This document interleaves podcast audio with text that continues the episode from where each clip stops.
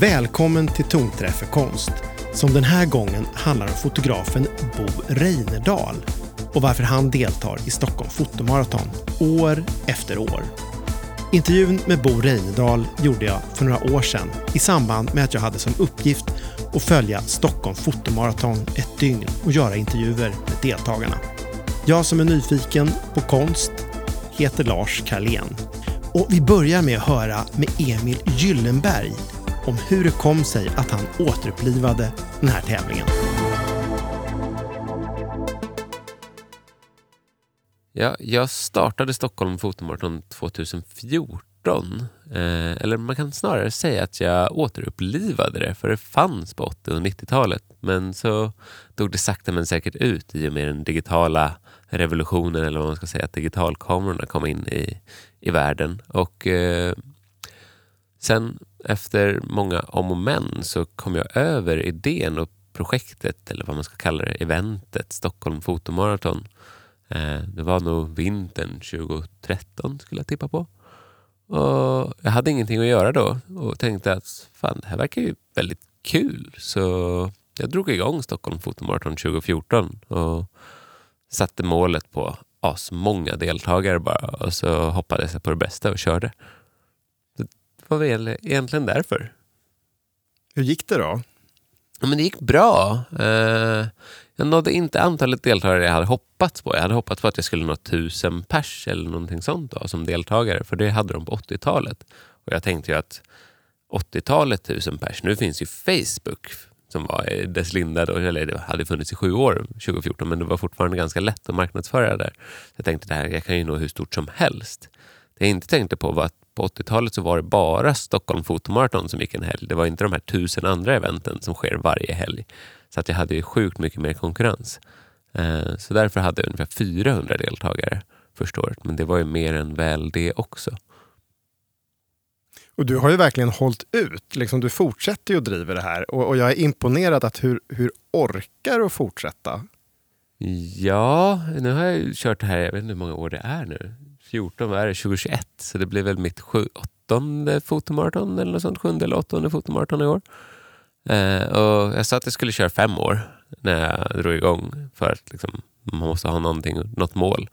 Och Det gjorde jag och sen dess har jag faktiskt tagit in så att jag har en till som hjälper mig och driver Stockholm Fotomaraton. Så att vi är två stycken som gör det här vid sidan om våra vanliga jobb. Och det resulterar i att vi tillsammans kan driva och vi kompletterar varandra ganska bra. Så att eh, vi jobbar med det typ två kvällar i veckan eh, och rullar på. Egentligen så tror jag den stora drivkraften är engagemanget från deltagarna. Det mest galna då, som du har varit med om under de här åren med Stockholm Fotomaraton, vad är det? Oftast har det gått rätt smärtfritt fritt igenom det mesta. Och det en ganska sjuk station vi hade var, jag vet inte vilket år det var, måste 2015 kanske, var vi i Humlegården eh, och fick låna Humlanhusets lokaler, alltså det är en fritidsgård som ligger i Humlegården. Och där skulle vi ha vår nattstation, alltså mellan 3 till 5, vilket resulterar i att folk ligger och sover på golvet, och, så man behöver ha en lite större lokal. Men veckan innan så började deras tak falla in. Så vi var tvungna att spärra av halva lokalen.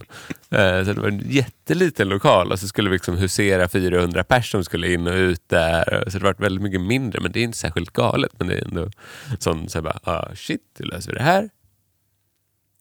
Och Bo Reinerdal som vi ska få träffa nu, eh, vem, vem är han?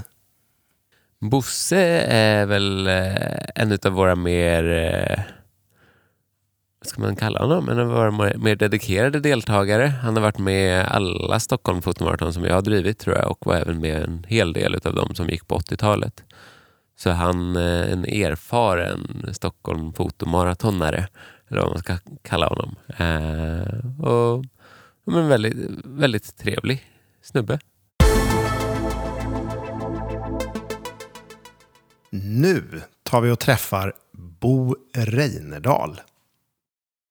Om du jämför första gången du var med på Stockholm fotomaraton med senast, vad skulle du säga var eh, skillnaden?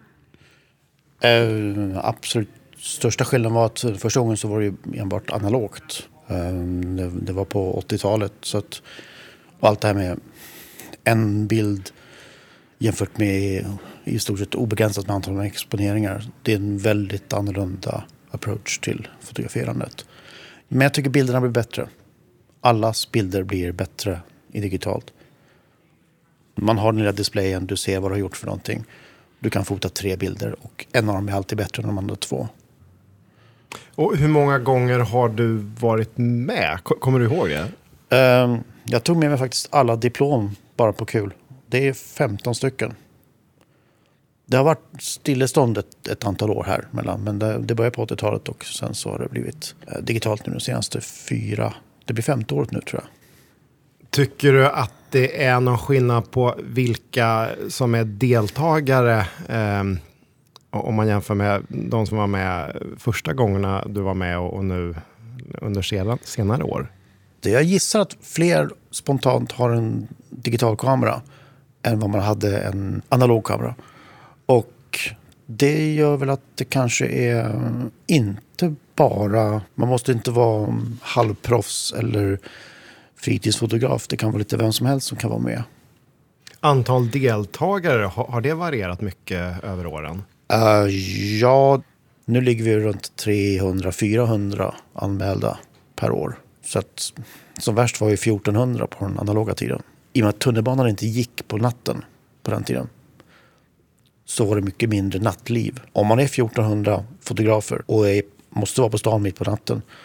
Om du ser någon så bär han på ett stativ eller en nummerlapp. Eller alltså, det, du såg inte så mycket andra människor. Gick det så han är med, de är med, hon är med. Det var bara det var folk från tävlingen man såg. Alla andra var hemma och sov. Om man tittar på grejer som eh, kan vara bra att ha med sig under tävlingen. Vad, vad skulle du ge för tips då? Du ska ha med dig ja, en kamera. Jag tycker du behöver ett stativ och en blixt. Extra batterier till kameran. Det kostar lite grann men jämrans var bra det att ha ett fulladdat batteri med sig extra. Jag tycker om att förbereda mig eller tänka ut möjliga bildidéer i förväg. Så just nu så håller jag fortfarande på att fundera på saker man kan fota i hopp om att det kommer ett tema som passar in på det. Och då kan man förbereda sig i så fall med någon slags, ja, eh, antingen en idé som man, att man kan gå till ett visst ställe och fota någonting eller man har med sig någon rekvisit av något slag. Visst är det bra med spontana bilder. Jag är inte en spontan person. Jag tycker om att förbereda mig lite grann. Ha med mig saker. Jag har också haft fördelen av att kunna ha som ett basecamp där jag kan ställa av saker. Och var har du ditt basecamp då? Jag, jag har en trevlig kund som har ett kontor inne i stan. Och eh, jag frågar om lov och jag får vara där. Och ja. Ja, det gick ju väldigt bra för dig i årets tävling. Du fick ju fint pris och sådär. Jag fick en tionde fjärde plats för hela rullen. Så fick jag två stycken placeringar på enstaka teman. Och vad gör du för att få juryn att fastna för just dina bilder? Jag kan satsa på kanske enklare bilder. För de får ett A3-ark med alla 24 bilderna. Och det enda jag har kommit på nu är att man ska fota liggande. Om man fotar en stående bild så blir den bara halva storleken. En, en mindre bild tror jag får mindre uppmärksamhet. Rena bilder kan funka Även om du fotar en myrstack och hävdar att myran i mitten, det var den som var snyggast. Det är ingen vits att hålla på så helt enkelt. Utan ja, renodlat kan vara bra. Men menar du att man direkt ska liksom se väldigt tydligt? För, för här ser man ju till exempel, du har en stol, du har en nyckel med ett nyckelhål och en glödlampa. Alltså olika bilder. Är, är, det, är det så man ska tänka, att man liksom direkt ska se vad det är? Jag tror att det kanske kan underlätta för den som tittar att ha en enkel bild att titta på. Men samtidigt kan jag liksom inte styras av att bara fota enkla bilder. Men som, här är det något, ett gäng med cyklar, men det var ju, jag tror det där var kaos. Det ska vara krångligt på den helt enkelt. De här då, hur många av de här hade du förberett innan och hur många är sån här, oj, nu får jag improvisera? Um, Är det någon av de här som ser att du har improviserat? Eh, ja, på sätt och vis. Jag har en bild på när jag skulle fota soffpotatis. Och det fanns ingen soffa på kontoret och det fanns massa andra. Och jag tänkte att ja, men jag köper en pommes frites, det är en potatis. Eller sagt, jag hade ätit mat helt enkelt. Så jag tog med mig pommes frites och stal den i den här lilla aluminiumstolen. Det där är en eh, myranstol. Fast den är eh, 20 centimeter hög kanske. Handgjord. Ja, den är ju planerad. Jag hade med mig rekvisita. Men har du ett litet rekvisitaförråd då på ditt eh, basecamp? Ja, väldigt blandat, ja. Små plottriga saker. Men vad tänker du, vad är det för grejer? För att de här temana, man vet ju inte i förväg Nej. vilka det är. Och så kan det ju vara, de är ju väldigt varierande kan man ju lugnt säga. Hur, Ja. Men hur tänker du då med, med vilka pryttlar är det som du ser till att ha? ha? Jo, det finns en sak du kan förbereda. Och det är om du har varit på fotomässan och anmält dig i förväg.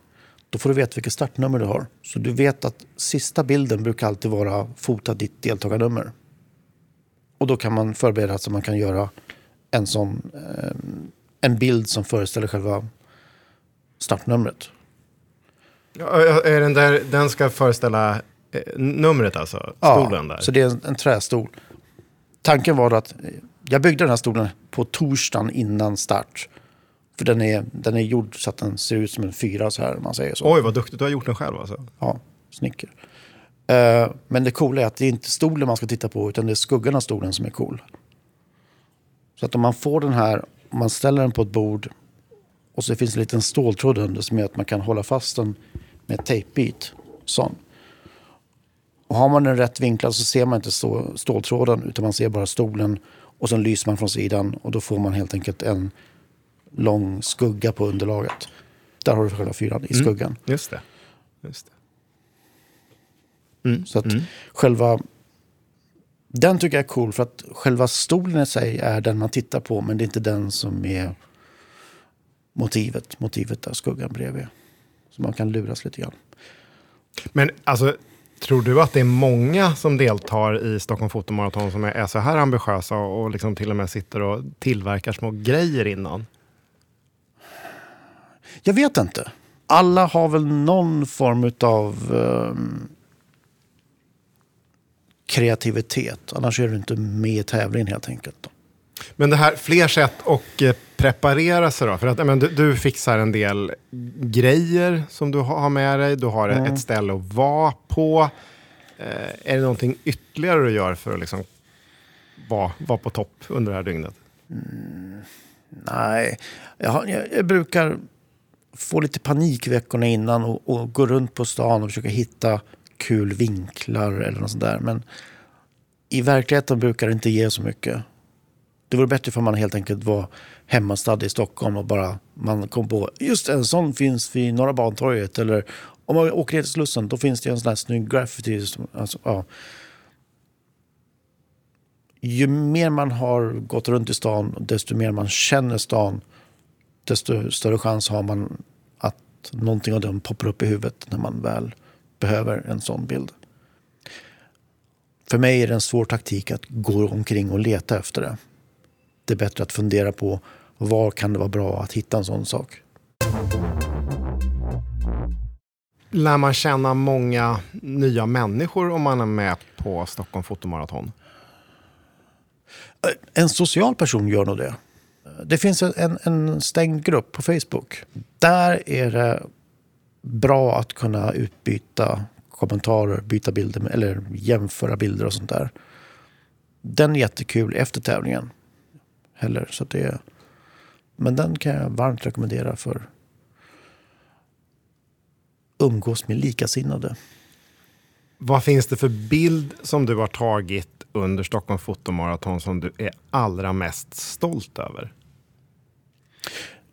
Ja, det, ja, det är två stycken som är planerade.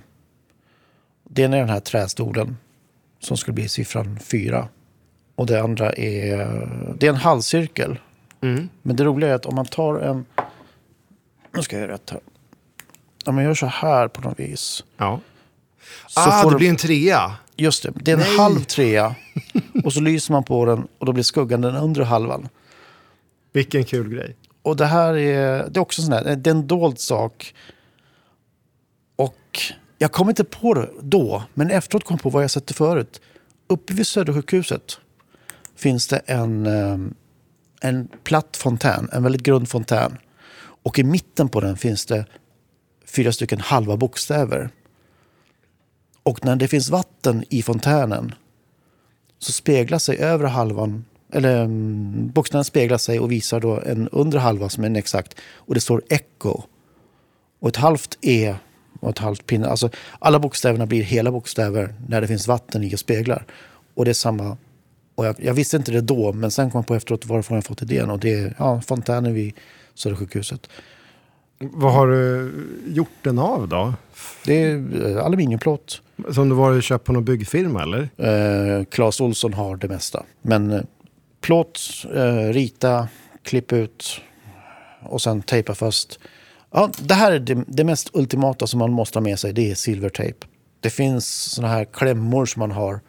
Men menar, en rulle tejp är så himla applicerbar. Alltså du kan använda den på så massa olika sätt. Bara man har någonstans att bära på den så är den helt perfekt att ha med sig. Papperstejp är bra, plasttejp är bra, men silvertejp är helt oslagbar. Det här är då Ja, fint. eh, 2017 års startnummer. Det här ska då vara en etta. Så att dörren är upplyst.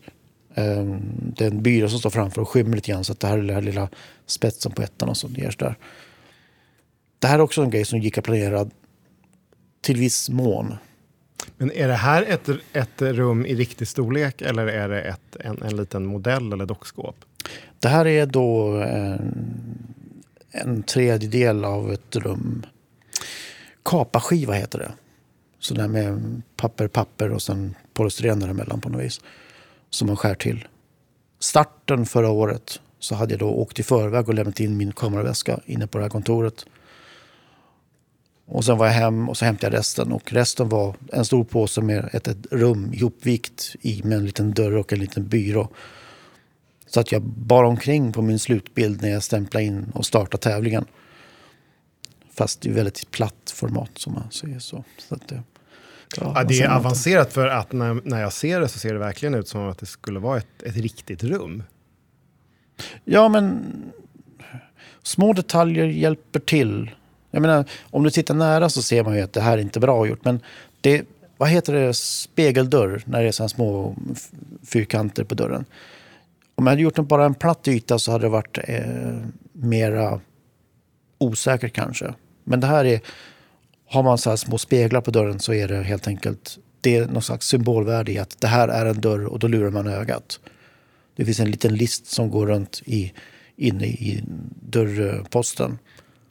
Och det är också en detalj som lurar ögat säger att ja, det här är absolut en dörr. Ja, men den är 20 centimeter hög. Den är liten. Men hur många timmar la du ner på att göra allt det här pappslöjdandet för den här bilden? Kanske en torsdag och en fredag. En halv fredag kanske.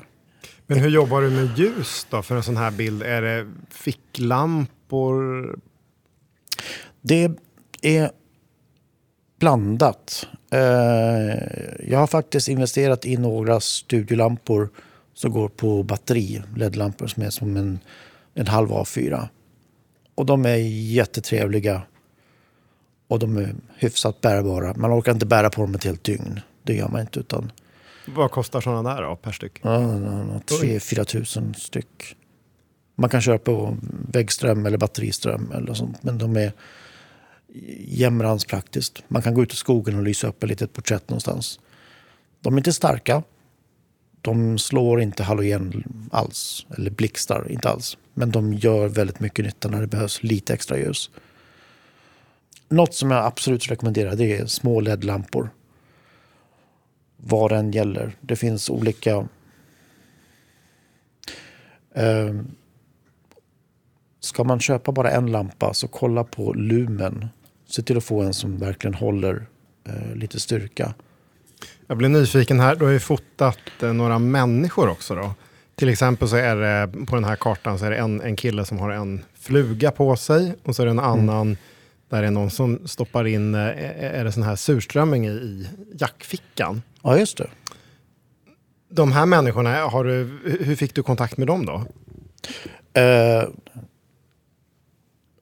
killen med flugan hade jag sån himla tur att det kom ut ett gäng bröllopsgäster. Någon tog en rök och sen stod en buss bredvid och skulle bara vidare. Och jag, eh, jag flög på honom lite artigt och frågade får jag fota din fruga? Och det roliga var att han tyckte att det får du väl fråga henne om. Och då förstod jag att ah, nej, inte fruga, jag vill fota din fluga. Han har gift sig så att liksom nybliven fru och alltihopa. Det är trevligt. Jag är inte bekväm med det, men det gick bra. Och han höjde upp hakan snyggt. Och det, fanns, det fanns två bilder. En var skarp, en var oskarp. Och sen så gick bussen. Och den här liran som står och stoppar in surströmming i eh, jackan då, vad, vad var det för någon? Ja, det, är, det är tema fula fiskar. Det där är, det är ett självporträtt. Så Ah. att det är jag som står... Jag, jag var in på Coop, köpte en burk, sprang iväg, ställde upp kameran på stativ och hade självutlöst. Och det är dubbelt tydligt. Antingen så är det helt enkelt det är en ful fisk, det är surströmming. Eller så är det någon som snor den inne på Ica eller någonting. Man får välja hur man vill tolka bilden. Men eh, ja, Vad tycker du generellt när du går fram till människor på stan så här un- under Stockholm fotomaraton och frågar om du får fota dem? Hur brukar de reagera?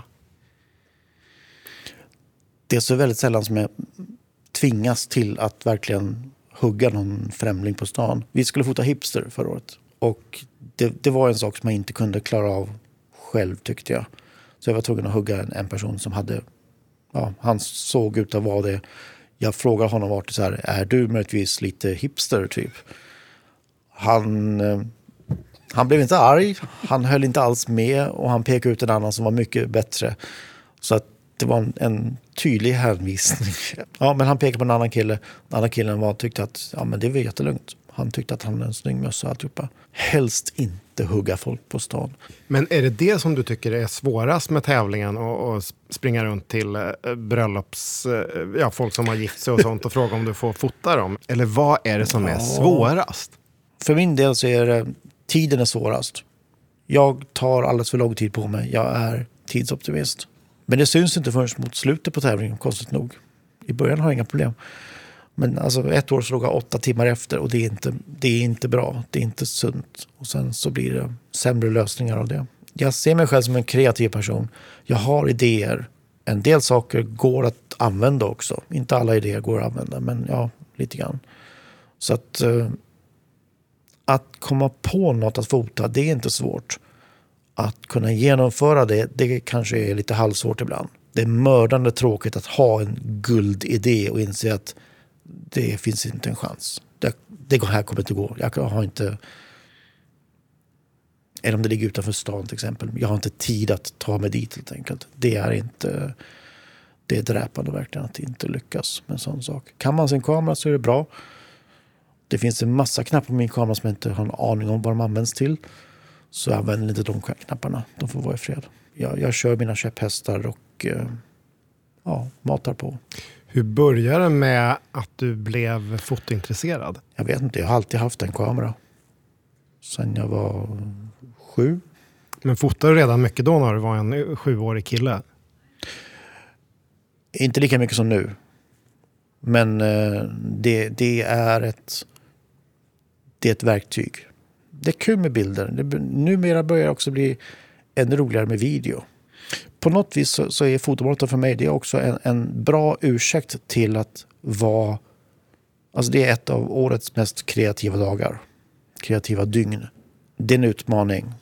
Och tiden innan en fotomaraton är spännande att gå runt och utmana sig själv. Gå runt och testa.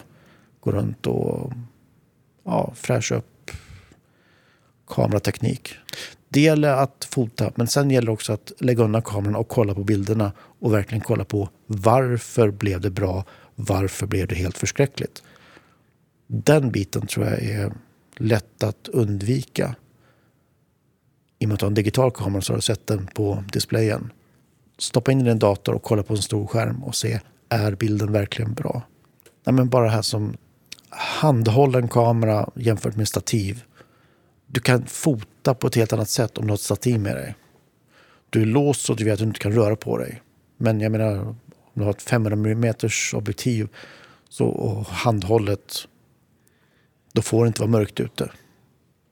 För då blir det inte skarpt. Så att, ja, öva.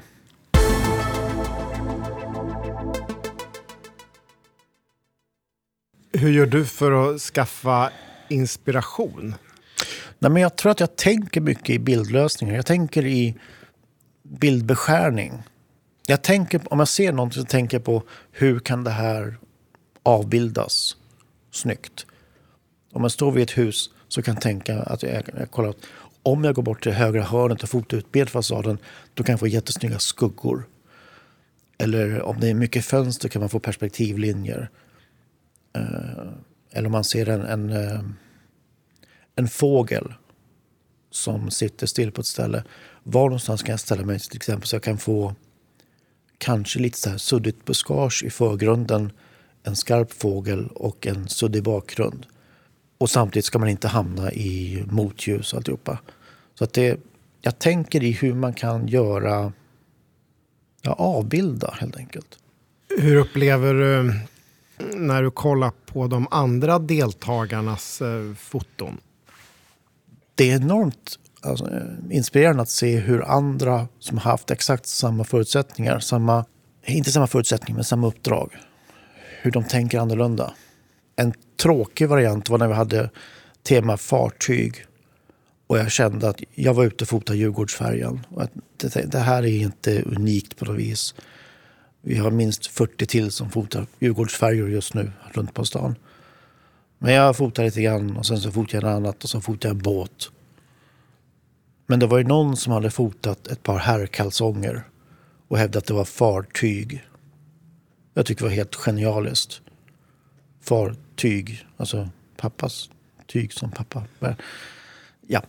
Eh, alla möjliga idéer som jag inte haft. Det är jättekul att se hur andra har tänkt.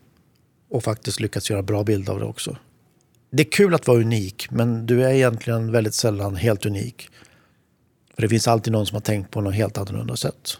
Och det är jättekul. Ja, men framförallt med den här fotomaratongruppen där vi kan dela bilder efteråt. Man kan se bilder och man, det går inte att inte häpna över hur, hur många människor kan göra på annorlunda sätt.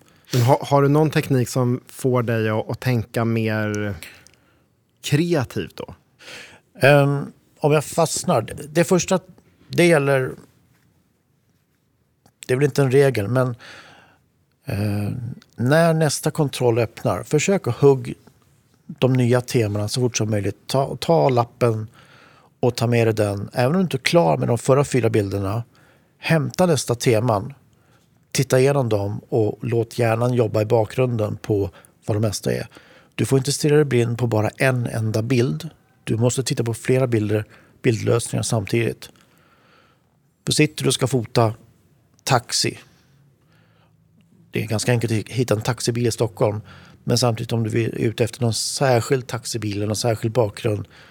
Medan du springer omkring och letar efter den eller medan du funderar på var den kan finnas någonstans. Fundera på nästa tema och nästa tema och ha det parallellt i huvudet istället för att ta en i taget. Du måste fota dem en i taget, men hjärnan måste kunna jobba i flera lager samtidigt.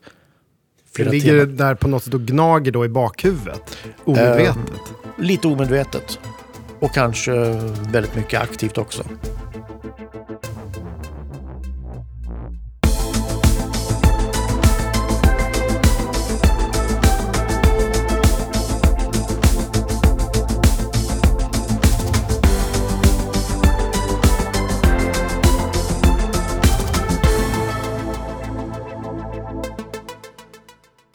Den här podcasten är producerad av produktionsbolaget Tonträff.